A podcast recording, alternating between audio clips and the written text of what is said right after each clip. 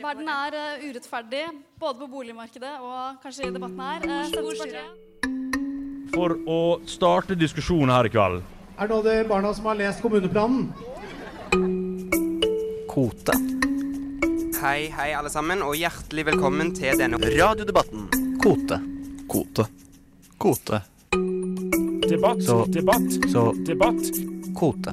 Alle disse tingene trenger å diskuteres, for det er ikke noe riktig eller galt. Altså naturen, eh, friområdene, har ingen egen stemme. Det må komme klare Debatt. debatten var ledet av Kote. Kote. God høst og vel møtt til kanskje vårens, høstens, årets vakreste eventyr.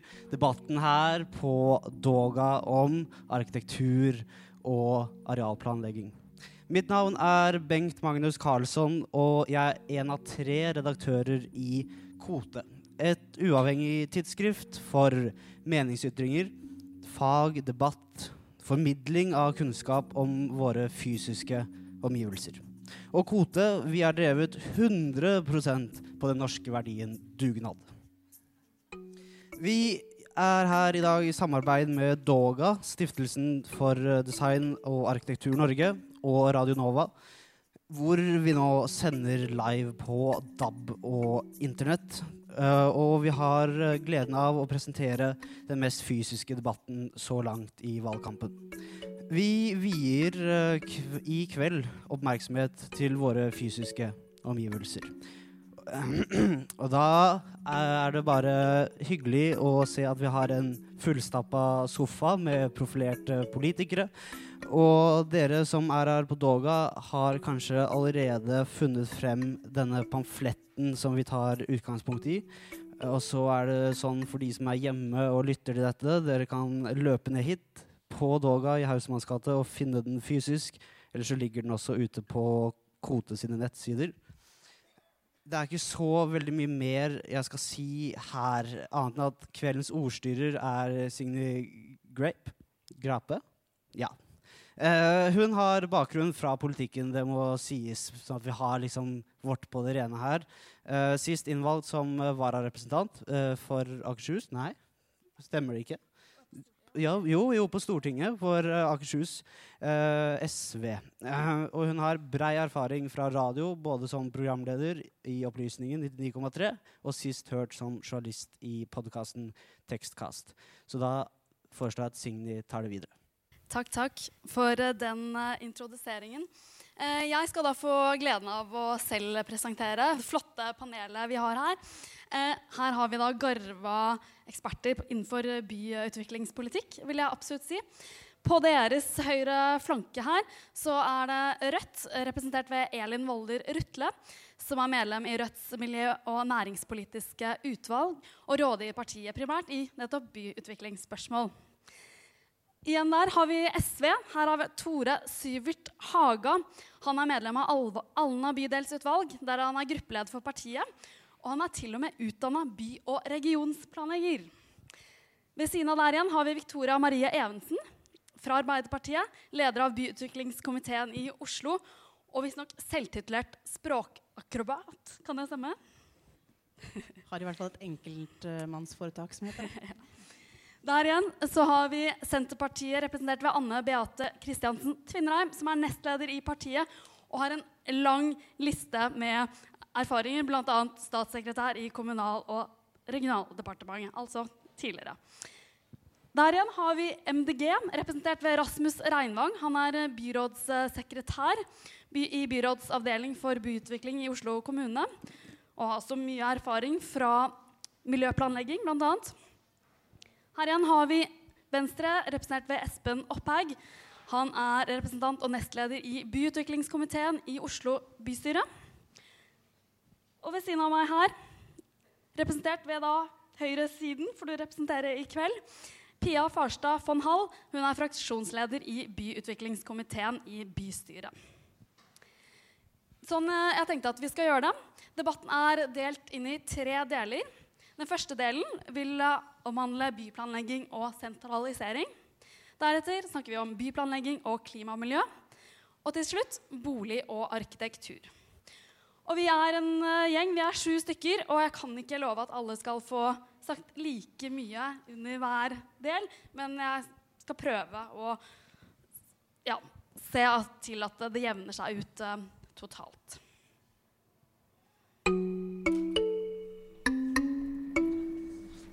Urbanisering og desentralisering. Det er eh, politisk konsensus at Norge skal ha levende distrikter og ta hele landet i bruk. Ingen parti proklamerer urbanistiske idealer, men opponerer svenske tilstander. Vi snakker her om de nordsvenske. Likevel øker tilflytningen til de større byene i Norge. SSB slår fast at den framskrevne befolkningsveksten ser ut til å bli meget ujevnt fordelt i landet. Veksten er sterk i sentrale strøk, mens mer enn en fjerdedel av kommunene får befolkningsnedgang.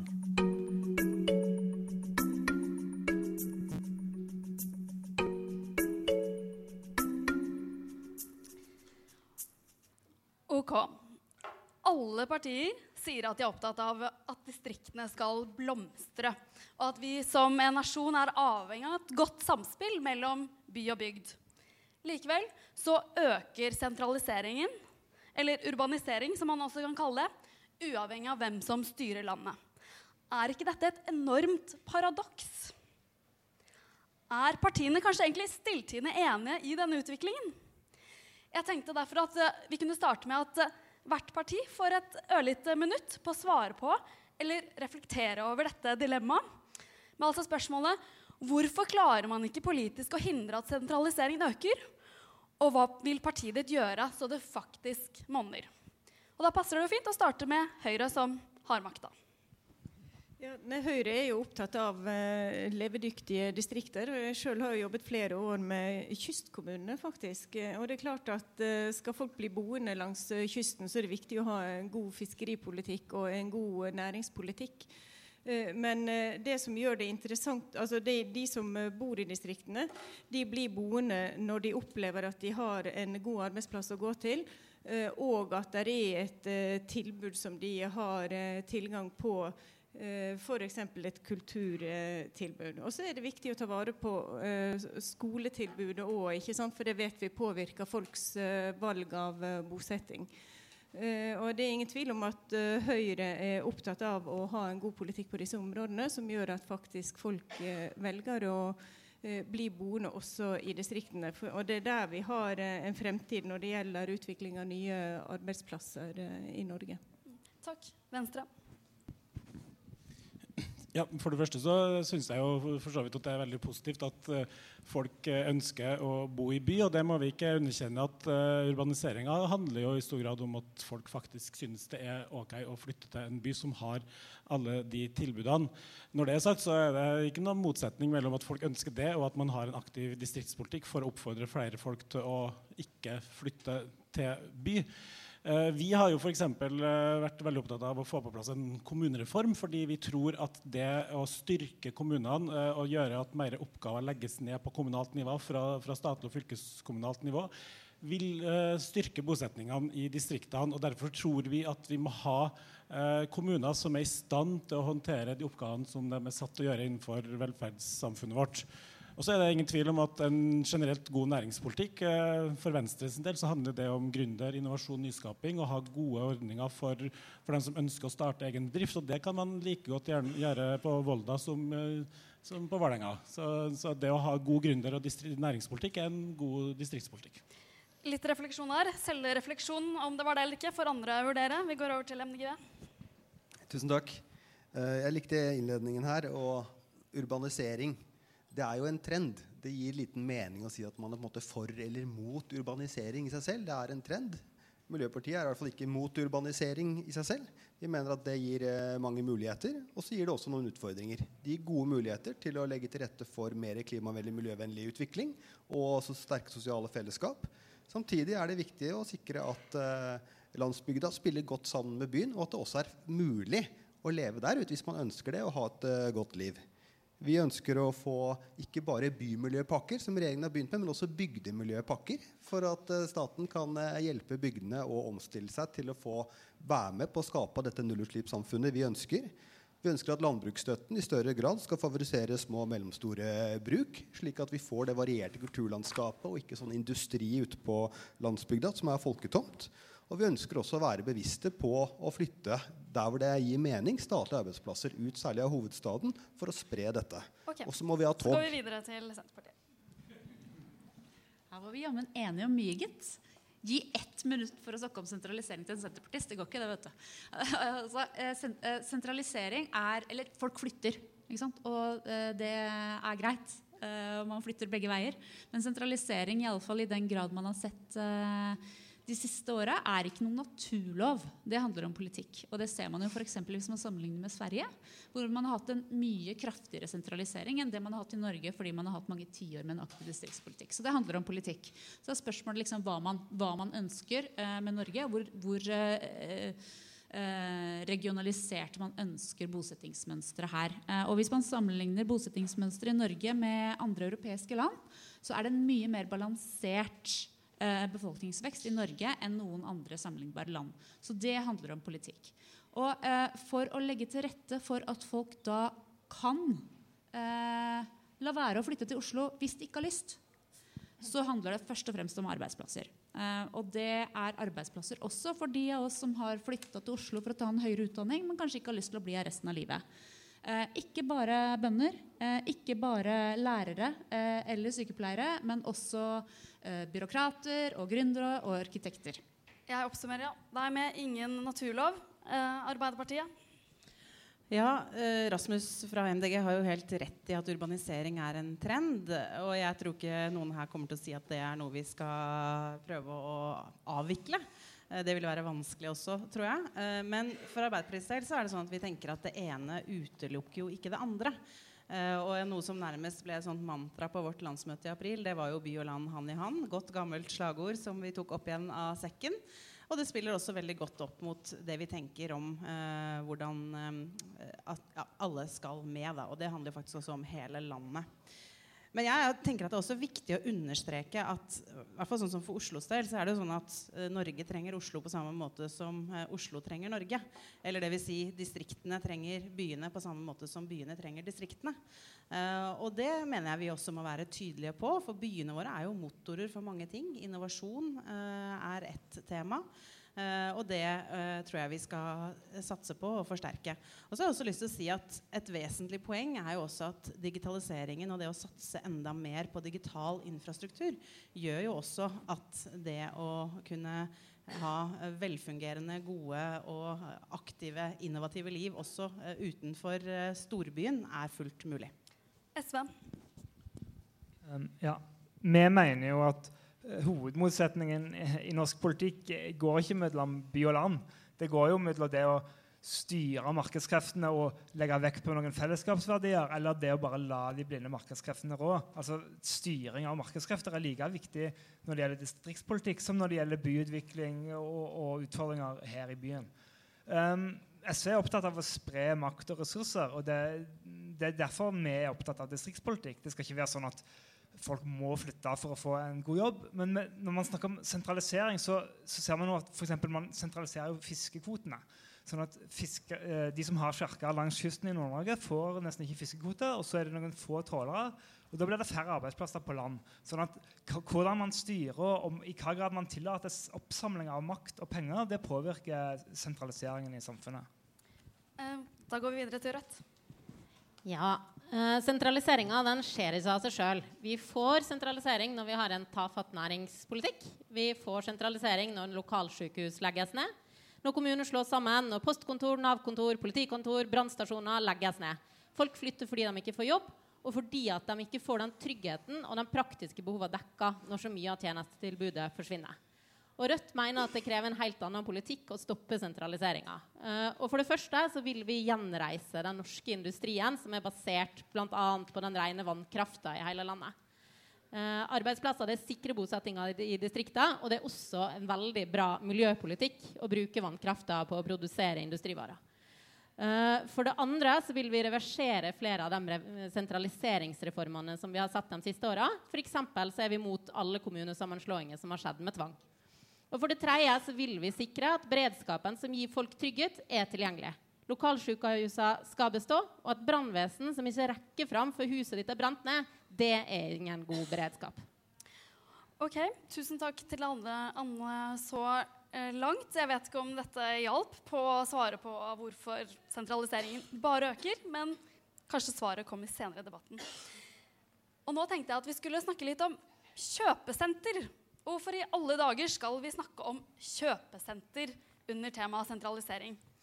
Vel, en byplanlegger vil nok kanskje si at det handler om at om folk skal ønske å bli boende på bygda, så må man ha gode lokalsamfunn som legger til rette for et mangfold av aktiviteter. Og da skaper kjøpesentra i utkant av sentrum betongørkner og sentrumsdød. Og i pamfletten så kan man si at uh, samtlige partier, kanskje med unntak av Frp, er bekymra for den effekten som kjøpesentra har. Men er dere villige til å lage regler som hindrer kjøpesentrene i å ødelegge den norske bygda? Jeg velger å starte med Senterpartiet. For i, Senterpartiet, for i pamfletten så skriver Senterpartiet dere ønsker en innstramming av regelverket for etablering av kjøpesentra utenfor bykjernen. Dette var jo offensivt til Senterpartiet å være, som jo ønsker å hegne om lokaldemokratiet. Hvordan svarer du på det? Ja, altså vi har allerede regler for å forhindre at digre kjøpesentre blir bilbaserte og plassert mellom byer eller langs E18 og E6. Problemet er at de, eh, det regelverket blir ikke fulgt opp konsekvent. Eh, de såkalte statlige planretningslinjer for lokalisering de sier nettopp at den type, den type tjenester skal plasseres i sentrum. Men så er det sterke kapitalkrefter som stadig eh, bringer dette opp til diskusjon. Og da er det viktig, særlig for kommuner og lokalpolitikere, at de har økonomiske muskler til å stå imot den type honningfeller. Altså Se på Ørsta, f.eks. Der har du typisk eksempel på, på eh, en, en, sånn struktur som er ganske trist. Men det er en konsekvens av at politikerne ikke har følt de har hatt noe valg for å tiltrekke seg eh, næringsliv og, og kapital. Så eh, det handler egentlig om å gi eh, kommunene reell handlefrihet til å utvikle levende lokalsamfunn. For alle lokalpolitikere vil jo det. Jeg så Rødt tegne seg først i stad. Venstre skal få etterpå. Uh, vi mener faktisk at vi må gå så langt som å straffe dem, straffe dem kommunene økonomisk som legger til rette for mer kjøpesenterutbygging. Og så tenker Jeg jeg syns litt, at jeg har vokst opp med, med hvordan et kjøpesenter har ødelagt en by. Uh, for jeg kommer fra Ålesund. Og i Ålesund så er det sånn at du har et sentrum som er jugendstil og fint og flott. Og der skjer det nesten ingenting. Fordi at alle butikkene er bygd på et sted som heter Moa, som er en mil utafor sentrum. Og når jeg flytta fra Ålesund, så bodde det omtrent 40 000 innbyggere i Ålesund. Og det var klesbutikker til 400 000 folk på Moa. Uh, og det er jo en meningsløs politikk for alle andre enn dem som eier kjøpesentra. Så det å ta tilbake makta handler også om å ta tilbake lokaldemokratiet fra kjøpesentereierne. Der har alle samtlige tegnet seg. Vi får se hva vi rekker. Eh, jeg gir eh, Venstre kanskje svar på det. Er dere også villige til å forby kjøpesentre? Nei, jeg tror forbud er kanskje et litt uh, for hardt uh, virkemiddel. Men det handler om at staten må stille, stinge, stille strenge krav, sånn som Anne Beate var inne på, og at man faktisk har såpass tydelige retningslinjer at det er mulig for Fylkesmannen å, å komme med innsigelse hvis uh, kommunene ikke følger de retningslinjene. Eh, det var jo faktisk eh, Venstres Guro Fjellanger som første gang satte ned et midlertidig forbud mot etablering av kjøpesentre utenfor, utenfor bysentra, med mindre det var en del av en større helhetlig plan. Det er ikke sånn at alle kjøpesentre til enhver tid skal, skal forbys, men det må skje innenfor en, en planlagt utvikling. Sånn som vi f.eks. har gjort i Oslo gjennom den regionale planen for areal og transport, Oslo Akershus, eh, hvor man har vært veldig tydelig på hvor fortetting skal skje. og Det er ikke bare boligfortetting, men også etablering av næring.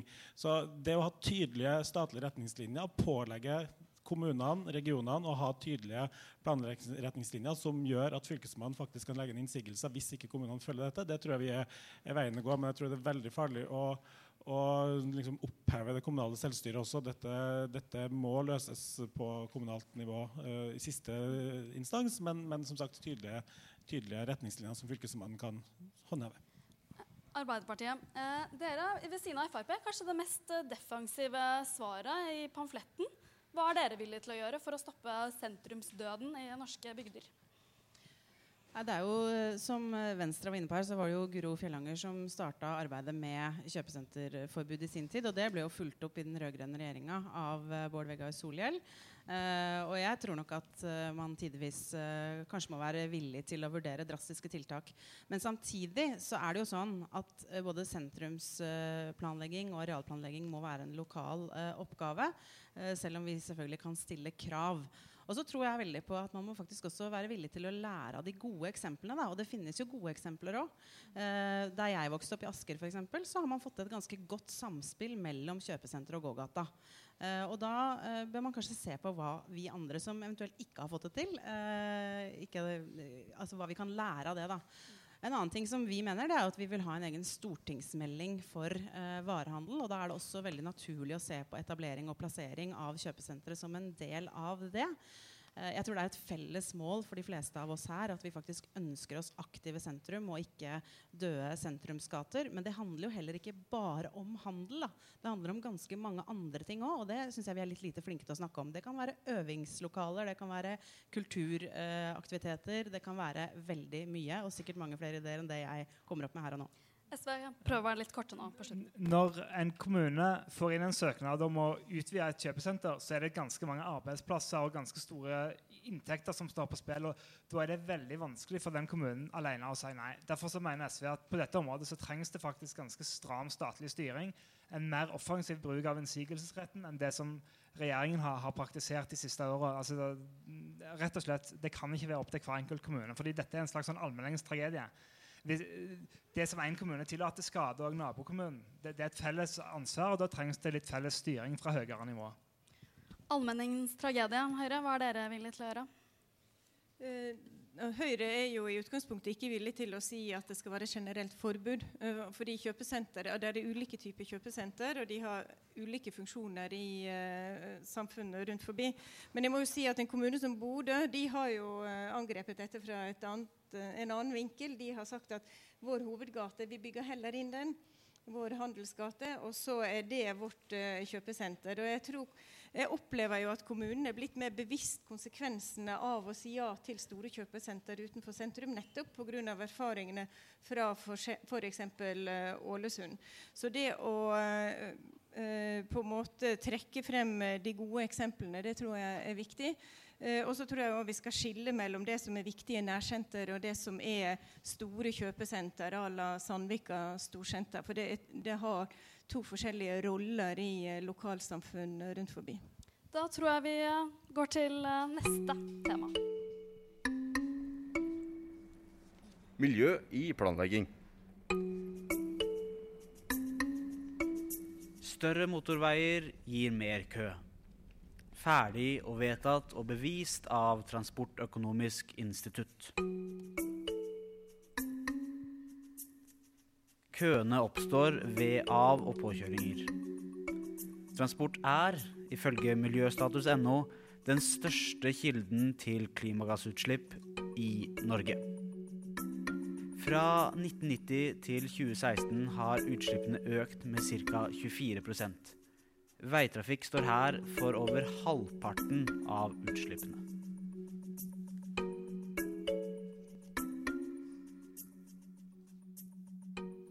Skal man redde klimaet og miljøet, så må man starte der folk bor, og med hvordan folk bor. Arkitektur og byplanlegging og miljøløsninger henger unektelig sammen. Og igjen så syns jeg vi har et himla stort paradoks. Fordi Stortinget de har vedtatt at bilbruken det må ned, og at all vekst i trafikken skal skje kollektivt. Men det er jo det motsatte som skjer. Så Derfor ønsker jeg at dere skal svare på dere konkret, hvilke konkrete tiltak vil dere foreslå for å redusere biltrafikken. Og da mener jeg ikke at veksten skal tas med elbiler. Hvem vil starte? MDG, du fikk ikke ord i stad. Jeg tenkte nok at nå, dette er jo lissepasning. Dette må jo komme hitover. Og så ble jeg hoppet over i stad. Men det er veldig bra. Um, vi ser faktisk i Oslo at i fjor var første året at andelen kollektivreisende var høyere enn andel eh, bilreisende i, i Oslo. Der får vi til en endring. Og det er jo fordi at vi, ja, vi må gjøre det dyrere å, å kjøre bil. Vi må, staten i Nasjonal transportplan må vri investeringene fra store motorveisprosjekter og et sånt ja, fergefri E39 som er fullstendig utopisk, bare rent praktisk og vanvittig dyrt, bort fra det og til å bygge tog og satse på kollektivtransport. rett Og slett, og legge til rette for at folk i hele landet har mulighet til å transportere seg selv på ja, rene, gode måter. Rett og slett gjøre det dyrere å gjøre feil ting. Gjøre det billigere, enklere og mer tilgjengelig å gjøre det riktige. Arbeiderpartiet, hva sier du til dette? Er du villig til å gå så langt for å redde klimaet? Ja, I Arbeiderpartiet så er det jo uh, litt delte meninger. Det er det jo innimellom i store partier. Og i Oslo Arbeiderparti, da, som jeg representerer, så er jo vi uh, veldig på linje med MDG uh, bl.a. hva gjelder E18. Og i den forbindelse så kan det jo være av interesse kanskje å nevne at statens uh, eget ekspertorgan i dag bekreftet det som MDG, SV og Arbeiderpartiet i Oslo eh, har sagt lenge. Eh, og at eh, utbygging av E18 vil være klimafiendtlig. Så det er i hvert fall noe som uh, jeg tar med meg videre. Så du er villig til å jobbe for at Arbeiderpartiet skrinlegger E18? Oslo Arbeiderparti er jo det, ja. Vi står jo på linja til byrådet. Men ikke resten av Arbeiderpartiet? Ja, Arbeiderpartiet i Stortinget har jo gjort litt andre prioriteringer enn det vi i Oslo Arbeiderparti har gjort. Og sånn er det av og til i store partier. Så du har en liten jobb å gjøre der, altså? Ja, ja Det har jeg absolutt. Venstre, hva sier du dette? Er dere f.eks. villige til å skrinlegge E18, som er jo den store kanskje elefanten i rommet, i hvert fall her i denne delen av landet? Ja, det, jeg tror de, Samtlige partier har vært uh, for en nedskalering av E18. Nå må man huske på at E18 er ikke bare et motorveiprosjekt, det er et byutviklingsprosjekt også. For mange områder i uh, Asker og Bærum så er det å få lagt uh, to, den store trafikken under bakken for å få etablert sammenheng, sammenheng, mellom tettstedene og by og vannet, er kjempeviktig. Det er også et veldig viktig tiltak for å redusere støv og støy.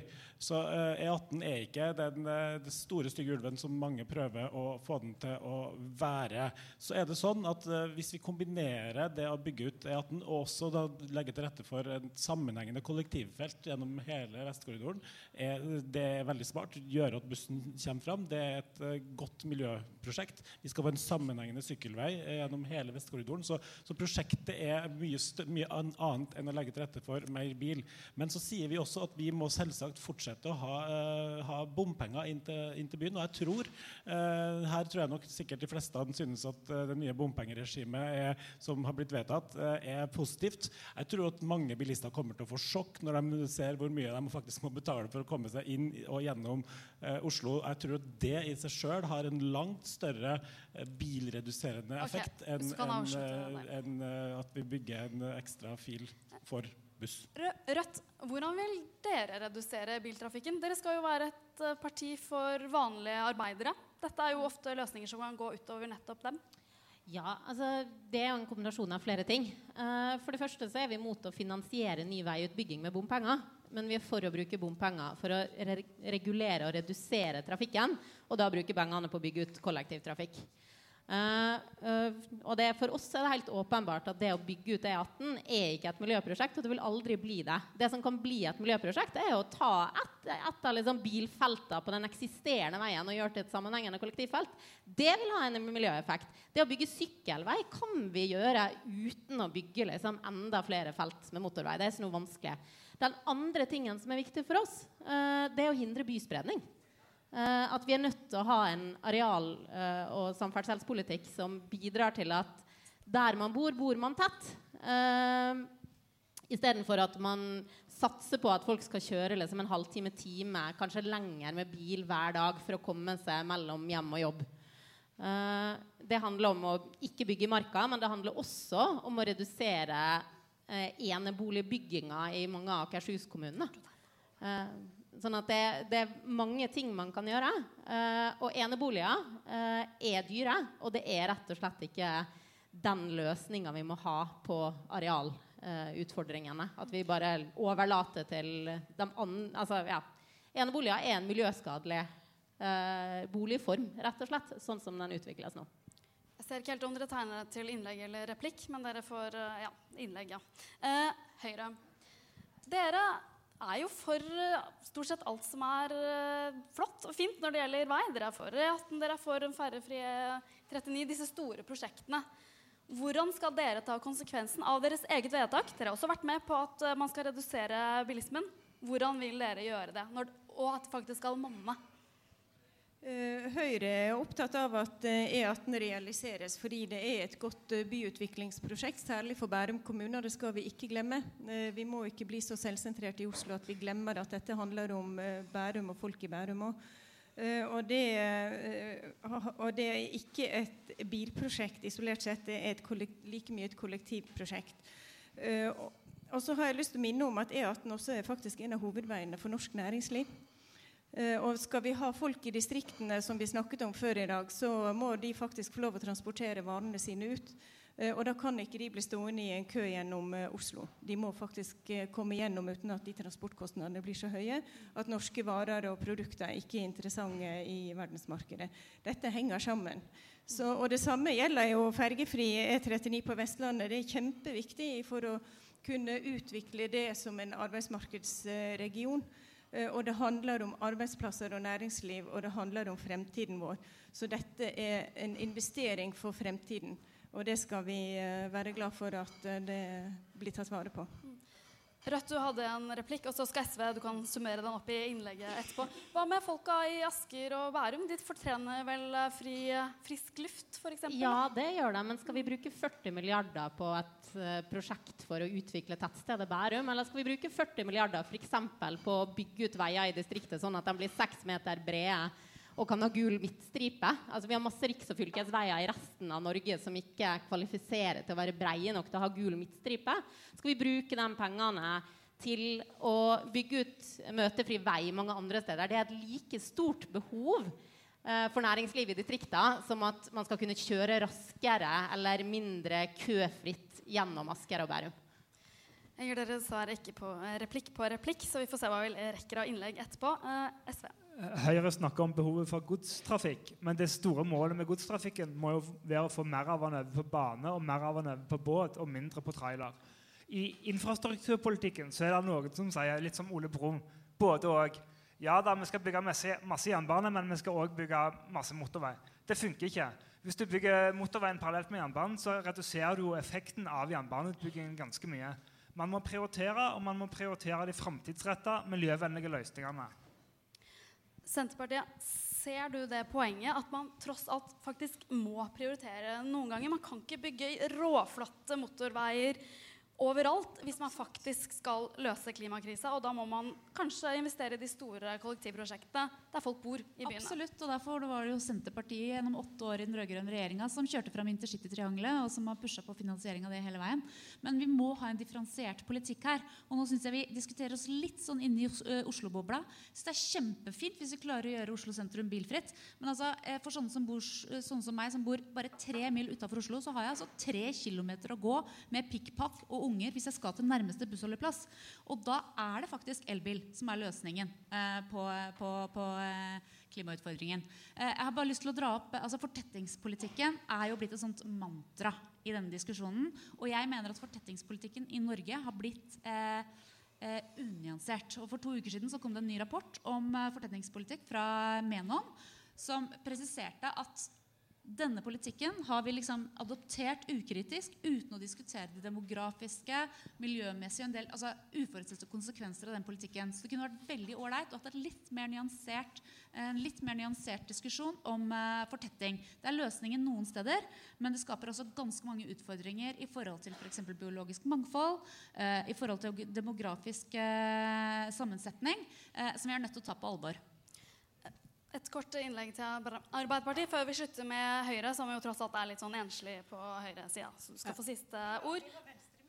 I, i Arbeiderpartiet, i Arbeiderpartiet så pleier vi å si at alt henger sammen med alt. Eh, og jeg tror at hvis man tenker litt sånn som idealet fra timinuttersbyen da? Når vi snakker om byutvikling, så snakker man ofte om timinuttersbyen. Og det handler jo om at det skal være kort avstand mellom der du bor og der du jobber. Eh, ikke altfor langt å dra til barnehage og skole eller de tilbudene du trenger. Og hvis man klarer å tenke det flere steder enn bare i den aller tetteste byen, hvordan man tilrettelegger faktisk for at folk skal kunne da f.eks. bo og jobbe ikke så langt unna hverandre, nettopp ta hele landet i bruk også med tanke på arbeidsplasser, så er jo det noe av løsningen også eh, i disse sakene vi snakker om nå. Eh, fremfor at alle skal eh, helt inn til et bysentrum for å jobbe, f.eks. Høyre? Eh, ja, vi snakker jo om fortetting og eh, kollektivtransport og veibygging. Eh, og Høyre mener jo at det er viktig å gjøre begge deler. Du trenger et veinett i Norge fordi vi er så spredt bosatt som vi faktisk er. Og så trenger Selv om konsekvensen blir at trafikken øker. Det vil den gjøre. Hvis man Ja, bygger mer vei. jo, vil du ha folk i distriktene, så må de forflytte, kunne forflytte seg, og det henger sammen. Men eh, samtidig må vi begynne, og det har vi klart. det skal vi ikke glemme. Gjennom Oslo i de 20 siste årene så har vi hatt en voldsom befolkningsvekst. Og nesten alt transportarbeidet er tatt via bruk av kollektivtransport, sykkel og gange. 1 av det økte transportarbeidet er tatt med biltransport. Det betyr at vi har nesten altså 99 av den økte transporten er tatt med kollektivtransport, sykkel og gange. Og folk i Oslo er kjempeflinke å gå. Vi er et gående folkeslag. Eh, og det er både godt for miljøet og for folkehelsen.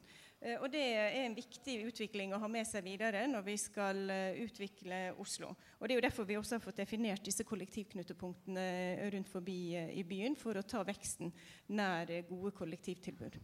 Du hadde en replikk, eh, Venstre. Du innser at eh, kanskje ved å støtte Høyre på dette, så vil trafikken øke. Jeg skjønner ikke helt hva vi støtter Høyre på i dette. Men altså, eh, man må også huske at eh, du sa at du ikke var vil så ha gode venner i stad. Ja, ja da, vi er gode venner. Eh, og vi gjør Høyre mye mer miljøvennlig, så det, det skal vi ha. Men men du sa at du ikke ville snakke om elbiler, men vi må huske på at vi er inne i en, vi inne i en rivende drivstoffrevolusjon for tida.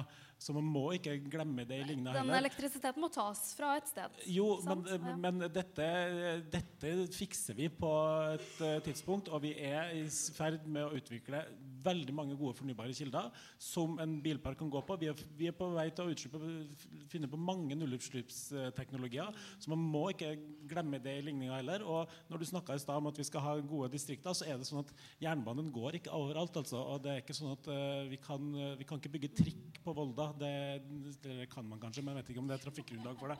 Så, så vi, må, vi må ha begge deler med oss, og, og veiutbygging er viktig for, for levende distrikter.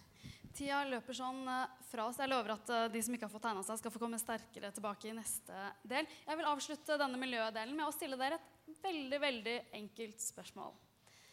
Hvis dere kun får velge ett prosjekt, kun ett prosjekt Og valget står mellom ny sentrumstunnel for T-banen i Oslo, ferjefri E39 eller ny E18 hele veien fra Asker til Oslo, hva velger dere? Høyre? Ja, så vi er jo i den lykkelige situasjonen at vi ikke må velge. For Dere vi har sagt ja til alle tre prosjektene. og Alle tre finansiert, vi har finansiert ja. de også. Mm. Alle tre er jo også et svar. Venstre? Altså, eh, nå tvang du det slapp jo Høyre å velge, men hvis jeg må velge, så velger jeg selvsagt sentrumstunnel gjennom Oslo, fordi det er det viktigste kollektivinvesteringa vi kan gjøre i, i framtida. Jeg lurer på hva MDG svarer.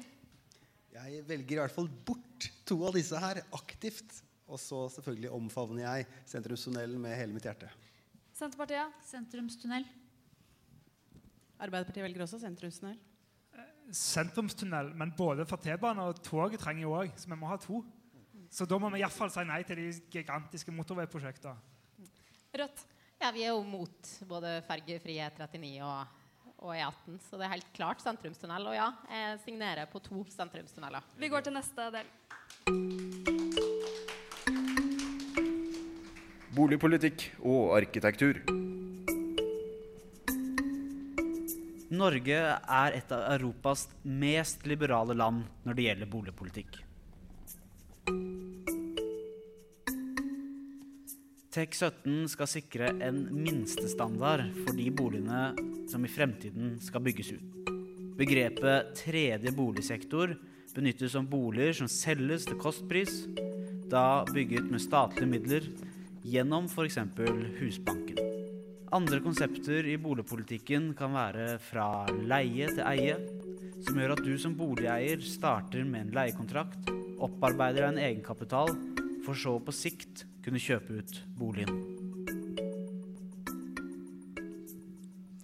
Ja, vi trenger jo alle et sted å bo. Et hjem. Men boligen er også det som skiller oss fra hverandre. Fattige og rike. En god boligpolitikk er viktig når vi skal løse utfordringer i trafikken, i sammenheng med jobbmarkeder og i regionsutvikling. Men boligpolitikk er også viktig om man skal minske forskjeller og løse sosiale problemer.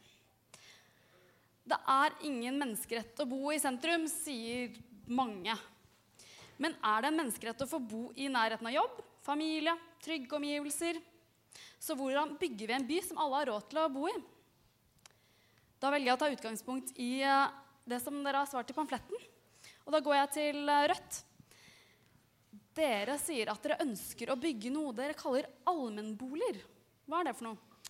Det er men det er jo det som ble sagt litt om i introen her, om den tredje bolig. Vi kaller det ofte for ikke-kommersielle boliger. Vi ønsker at det skal bygges boliger som skal kjøpes og selges utenfor det kommersielle markedet. De skal bygges med støtte fra Husbanken. Uh, vi mener at det skal bygges noen, en lav andel, i hvert nye boligprosjekt, egentlig. Uh, og så skal det være gjenkjøpsplikt til borettslaget. Og når kjø borettslaget kjøper den tilbake, så skal den som har eid den boligen, Uh, få igjen det man ga, og den vanlige liksom, prisstigninga, ikke boligprisstigninga. For da sikrer man at den subsidia av den boligen blir i den boligen, men folk har en mulighet til å tjene seg opp egenkapital. Uh, og det mener vi at skal være boliger som skal være prioritert til førstegangsetablerere og unge. Men at det skal være en ordinær bolig i det ordinære bolig, boligmarkedet. Uh, eller ikke i det ordinære boligmarkedet, da, men i den ordinære, ordinære boligmassen. Sånn at ikke man liksom skiller det ut som andre, eh, som liksom egne blokker med kommunalboliger eller den slags. Og det tror vi er helt nødvendig for å få inn igjen den sosiale boligpolitikken som man hadde før, og som i dag har blitt overlatt fullstendig til markedet. Takk for uh, det svaret. Arbeiderpartiet, det høres jo veldig fint ut. Dere ønsker vel en by der alle kan bo i? Kanskje dere kan være med å støtte en sånn type allmennboliger, en slags tredje vei? Ja, Allmennbolig pluss det er jo et uh, dansk konsept. Uh, og Byutviklingskomiteen i Oslo vi var jo så på det da vi var på studietur til København. Uh, og vi har også bedt om å se på forsøksprosjekter med det her i Oslo. Uh, så det er jeg veldig positiv til. Uh, og jeg tror det blir veldig spennende å se om vi kan få et mer variert boligmarked nettopp med den type tiltak. Og i Oslo så går vi selvfølgelig foran og skal teste ut dette. Men jeg har også lyst til å si at dette med f.eks. leie til eie er jo veldig viktig. og det å styrke Husbankens rolle er jo helt sentralt i den sammenhengen. Eh, og så vil vi også jobbe for at kommunene fortsatt får momskompensasjon for kommunale boliger, slik at eh, de kan opprettholde botilbud til vanskeligstilte. Eh, for det er ganske store forskjeller i utfordringene de ulike kommunene har. Skal vi se, Hvem var det som fikk litt ordet litt lite i stad? MDG. Dere du fikk snakke litt, litt lite. hva slags politikk vil dere ha for at byen skal være et inkluderende sted å bo? Vi ønsker jo at byen skal bestå av en lang rekke lokalsamfunn som har god sammenhengskraft, og som er varierte. For det skaper eh, både en interessant by, men også nettopp det sosiale fellesskapet og et grunnlag for å ha en delingskultur og kunne stille opp for hverandre. Så er spørsmålet hvordan får man til å legge til rette for det når det er en du kan si, naturlig segregering når markedet er si, styrt av, av, kapital. Og de attraktive områdene blir veldig dyre, og de mindre attraktive blir billigere. Og det liksom segregerer seg mer og mer. Vi ønsker å få en mye mer aktiv politikk fra statens side, som har manglet. Jeg jobber jo nå i Oslo, og vi ser at vi mangler noen verktøy. I Danmark så, kan man for eksempel, så finnes det ordninger, sånn som Husbanken kunne gjort her, hvor eh, aktører som ønsker å bygge nettopp allmenn plussboliger, får eh, billigere lån og på den måten kan finansiere og bygge denne type boliger til en lavere kostnad. Det ønsker vi å ha. Vi ønsker også å ha en lovendring sånn som man har i Danmark, som gir kommunen lov til å stille krav om at f.eks. 20% av boliger i et stort boligprosjekt skal være til en lav pris og skal være utleieboliger. Det kan vi ikke gjøre i dag. Vi mangler dette fra staten, og vi har lyst til å gjøre det.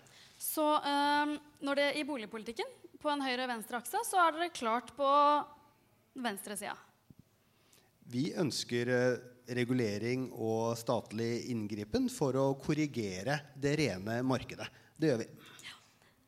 Høyre, hva sier du til at MDG har tatt eh, side i denne delen av politikken? Er du, kan du være villig til å faktisk eh, gå inn på kanskje regulere litt mer? MDG får jo stå for sin egen politikk. De ligger jo normalt ikke på høyresiden i politikken, i hvert fall. Men det som eh, Høyre er opptatt av, er jo at eh, man følger opp eh, det vi kaller selveierdemokratiet i boligmarkedet. Det er ganske en sånn eh, til, nei, leie til eie-ordning også? Eh, ja, eh, og det er klart Høyre er også opptatt av å legge til rette for det. fordi det kan gi flere unge muligheten til å komme inn i boligmarkedet.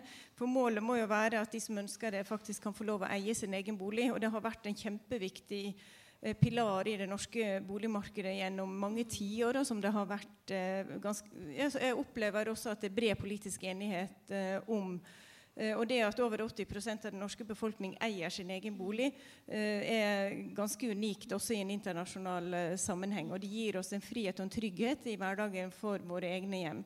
Eh, Og det er kjempeviktig. Men så er det jo da, i dag dyrt å komme inn for førstegangskjøpere. Og da kan det med eh, leie til eie være ett virkemiddel vi kan Men bruke. er Og ikke det egentlig kan- det eneste virkemidlet dere foreslår? Ellers så er det jo stort sett å gjøre mer av det samme. Eh, ja, altså det har jo fungert, da. Så, så mer Ja, av det samme. det? Det handler jo også om å tilføre markedet eh, boliger over tid. og det er også en kjempeviktig eh, når vi snakker om eh, Så Høyre er fornøyd med dagens situasjon? Byene er Ja, så- inkluderende nok? Folk har råd til å kjøpe bolig? Som hovedpolitikk så har det fungert. eh, og vi ser ikke noen grunn til at det ikke skal fungere i fremtiden. Men det konseptet leie til eie, og det tror vi kan fungere. Og så har vi også i Oslo kommune f.eks. en støtteordning for unge som vil inn i boligmarkedet. Og det òg har fungert. Eh, mange unge har faktisk fått sin egen bolig med hjelp eh, fra kommunen. Men sosial boligbygging, som handler om de vanskeligstilte i samfunnet, det er jo en egen kategori boliger.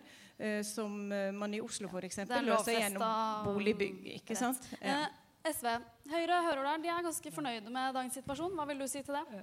Jeg mener at det som ble sagt helt på slutten her, nemlig at sosial boligbygging det er jo en egen kategori, det illustrerer jo på en måte litt av problemet i hvordan man har tenkt i den norske boligpolitikken. At nesten alt skal være styrt av markedet. At det bare er en bitte, bitte liten andel som skal være kommunale boliger som er øremerka for de aller svakeste. Jeg mener vi trenger en bredere og mer aktiv boligpolitikk. Både med, med eierboliger, med leie til eie og med ikke-kommersielle utleieboliger. For eh, leiemarkedet er jo veldig uregulert. Og selv om det er et mål at flest mulig av de som vil, skal kunne eie sin egen bolig, så er det ganske krevende å spare opp egenkapital med de høye leieprisene som man har i dag. Så hvis man hadde hatt et eh, leietilbud hvor det var um, ikke for profitt, men hvor, hvor, man, hvor det da ble rimeligere leier, subsidiert av det offentlige på en måte, så ville man jo lettere som ung kunne spare opp penger til å komme inn på boligmarkedet og eie senere. Så hvis vi skal fortsatt ha en veldig høy andel som eier, så tror jeg vi trenger nye grep i boligpolitikken. Og jeg er ikke overraska over at ikke Høyre er enig i det. Nye grep i boligpolitikken. Hva sier dere til det, Venstre? Er du fornøyd med situasjonen som er i dag? Eh, nei, og det er jo litt av grunnen til at vi også har svart at vi eksempel også ønsker å se på slike leie-til-eie-ordninger, som jo faktisk er under testing bl.a. i Drammen gjennom eh, tilskudd fra Husbanken. Så dette ønsker vi eh, mer av. Men jeg syns premisset ditt er litt feil i utgangspunktet, for du, du glemmer å nevne at det at 80% av Norges befolkning eier sin egen bolig, det har gjort at vi har alle de som eier bolig, har tatt del i en fantastisk velstandsutvikling. Vi har fått en, og vi har fått trygghet for hjem og hus, som er kjempeviktig. Og vi tror også at det er viktig at vi stimulerer til at flest mulig eier egen, egen bolig. fordi når du eier egen bolig, så tar du også mer ansvar for, for din egen bolig. Så jeg tror ikke vi skal underkjenne at selveierlinja har vært en stor suksess i Norge. Så ser vi nå i Oslo spesielt, men også en del andre storbyer, at vi har hatt en, en veldig sånn finanspolitisk etterspørseldrevet prisgalopp. Vi må ikke glemme at eh, det faktisk ikke er normalen at eh, prisene i Oslo stiger med eh, det skyhøye de har gjort i de siste årene. Når regjeringa innførte 40% egenkapital for sekundærbolig, så så vi at prisene flata ut umiddelbart. Det, må, tror jeg det tror Venstre at vi skal fortsette med, og vi kan, må kanskje også på et eller annet tidspunkt øke det kravet hvis det ikke viser seg å være effektivt nok. Men jeg tror ikke vi skal Kan rokke vi ved snike den til inn en liten replikk her fra Arbeiderpartiet? Du hadde en kort replikk. Ja, det var egentlig til høyre, da, så det kommer jo nå mye lenger ute i rekka er her. Men, men eh, jeg, jeg mener at vi, sånn spesielt for Oslo, da, for vi hadde 22% prisvekst i 2016. Vi kan ikke underdramatisere det. Det er klart at det skaper en krevende situasjon for veldig mange. Og da må vi ha tiltak på mange ulike områder. En av de tingene vi må gjøre, er jo å regulere boliger. Vi må sørge for at det bygges. Eh, det må være god dialog mellom kommune og utbygger der hvor eh, man henger litt etter. Eh, og så må vi eh, Jeg synes at Vi også har lyst til å gi ros til regjeringa og støttepartiene for det eh, 40 %-kravet. Jeg tror det har hatt en effekt. Men jeg mener også at det er grunn til å for eksempel se på om man skal øke eh, krav eh, om botid. Senterpartiet, du hadde et uh, tegna innlegg for en god Verden er uh, urettferdig, både på boligmarkedet og kanskje i debatten her. Uh, Senterpartiet, du hadde et har talt. Uh, ja, det har kommet opp mange gode grep uh, og, og uh, henvisninger til tiltak som altså bl.a. gjennom Husbanken, som jeg støtter fullhjerta. Men det er ett moment som jeg har bare lyst til å bringe inn, og det er behovet for at myndigheter både kommunalt og statlig har baller i forhold til utbyggere. Fordi Vi opplever jo også at altså, det er veldig veldig sterke kapitalinteresser eh, som både ønsker å dreie hvor, hvor, eh, hvor det skal bygges, hva slags boliger som skal bygges, eh, ut ifra hva som har eh, høyest profitt. Og eh, dette gjelder også eh, altså innhold eh, plan- og bygningsloven i forhold til hvordan, altså, hvordan boligen skal se ut. Da. Og jeg må si at jeg er veldig, veldig skeptisk til TEK17 og den vridningen vi har sett med eh, svekkelse både av tilgjengelighetskrav, eh, energieffektive løsninger osv. Og, så og det handler, det er en ren interessekamp. Altså. Vi, skal, eh, vi tenkte vi skulle komme kort innom eh, TEK eh, 17. Jeg tenkte Kanskje vi skal gjøre det nå. Eh, men før vi gjør det, så tenkte jeg skulle prøve meg på en sånn ny sånn kjapp, eh, kjapt lite spørsmål. Det med at eh, det er så lett, og i hvert fall inntil nylig vært så lett å få tak i boliglån, det sier mange at det er en grunn til at også boligprisene skyter i været. Er dere villige til å se på, eh, se på denne ordningen, at man får så mye avdrag på boliglån? Ja eller nei? Er dere villige til å redusere muligheten for å få skrive av på skatten på boliglån? Høyre. Eh, Høyre har ikke noen store planer om å endre det som gir grunnlag for egen bolig. Venstre. Eh, Vi har ikke programfesta at vi skal kutte i rentefradraget, men vi har sagt at vi skal øke ligningsverdien på sekundærbolig til 100% MDG.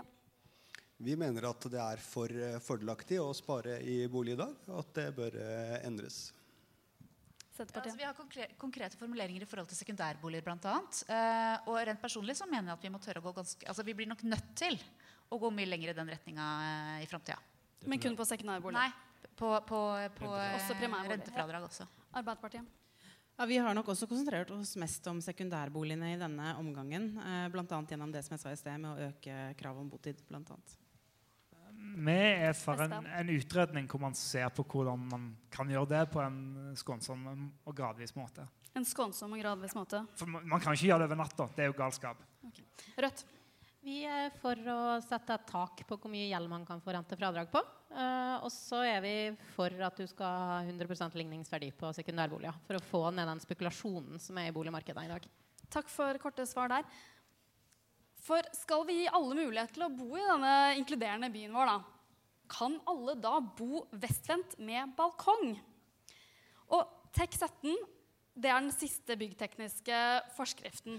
Tenk at vi faktisk har en stortingsdebatt om TEK17.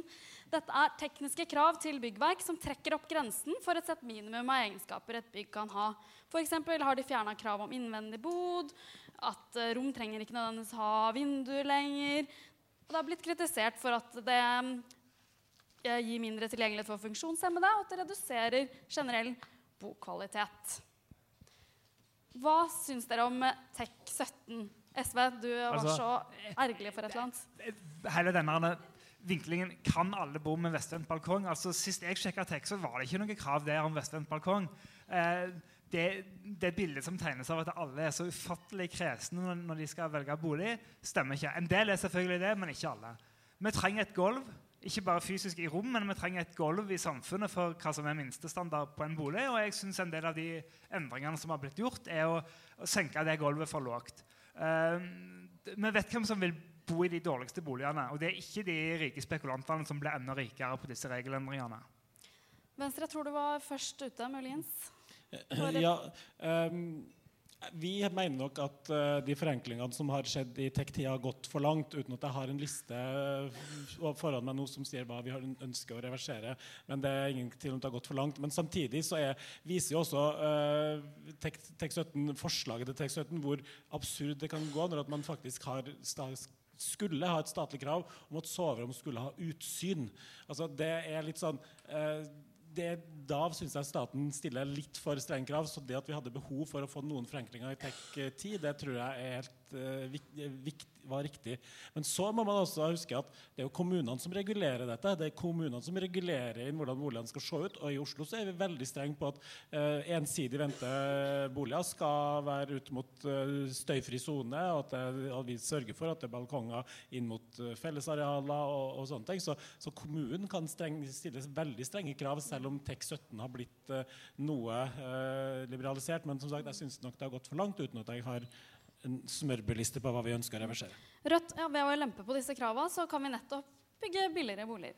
Ja, men det er noe med at den prof altså, det er jo ikke sånn at boligprisene blir så mye lavere. Det er jo bare at profitten blir høyere for utbyggerne. Eh, og I Oslo så fikk vi gjennom før sommeren at Oslo kommune ikke skal bruke TEK17 der det er en forringelse av kvalitetskravene. Det er vi veldig veldig fornøyd med at vi fikk flertall for når vi stilte forslag om det. Og jeg tenker at dette med vestvendt balkong blir litt, sånn, det blir litt parodisk. Men jeg tenker at det er viktig at vi sikrer at ikke vi har noen boliger med fattigmannssol. Eh, jeg vet ikke om folk kjenner til det begrepet, men det er når du bor sånn til at du aldri får sola direkte inn i din bolig. Den eneste sola du ser, er når den reflekteres i naboens vindu. Eh, og mye av de boligene som bygges i Oslo i dag, blir boliger med fattigmannssol, for man bygger så høyt og trangt og tett.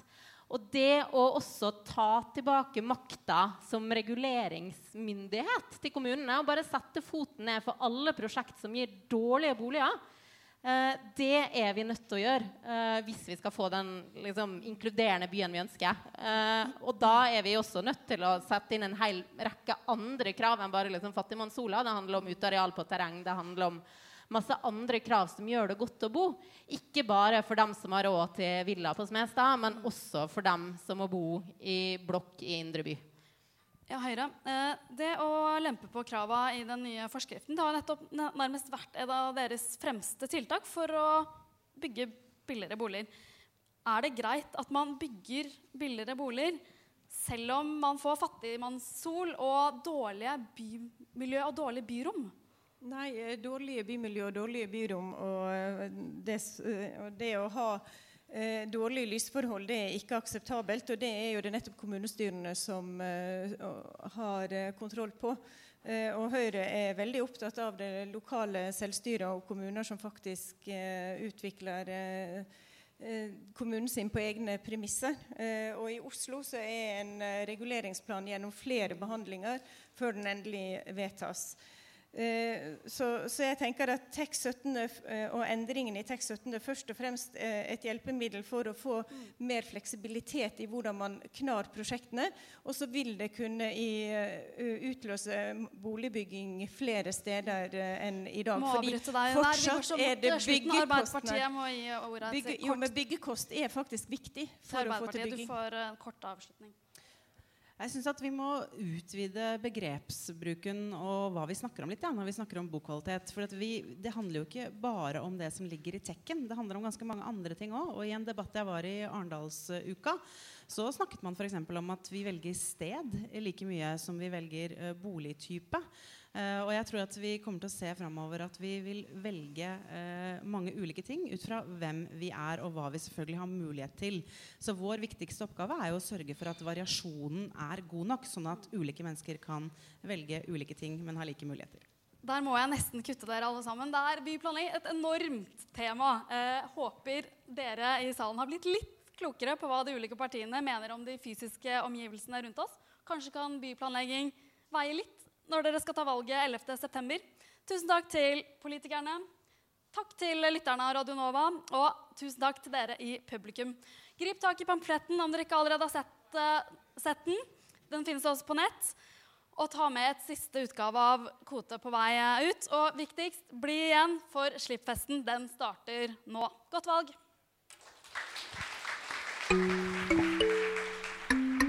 For å starte diskusjonen her i kveld. Er det alle barna som har lest kommuneplanen? Kote.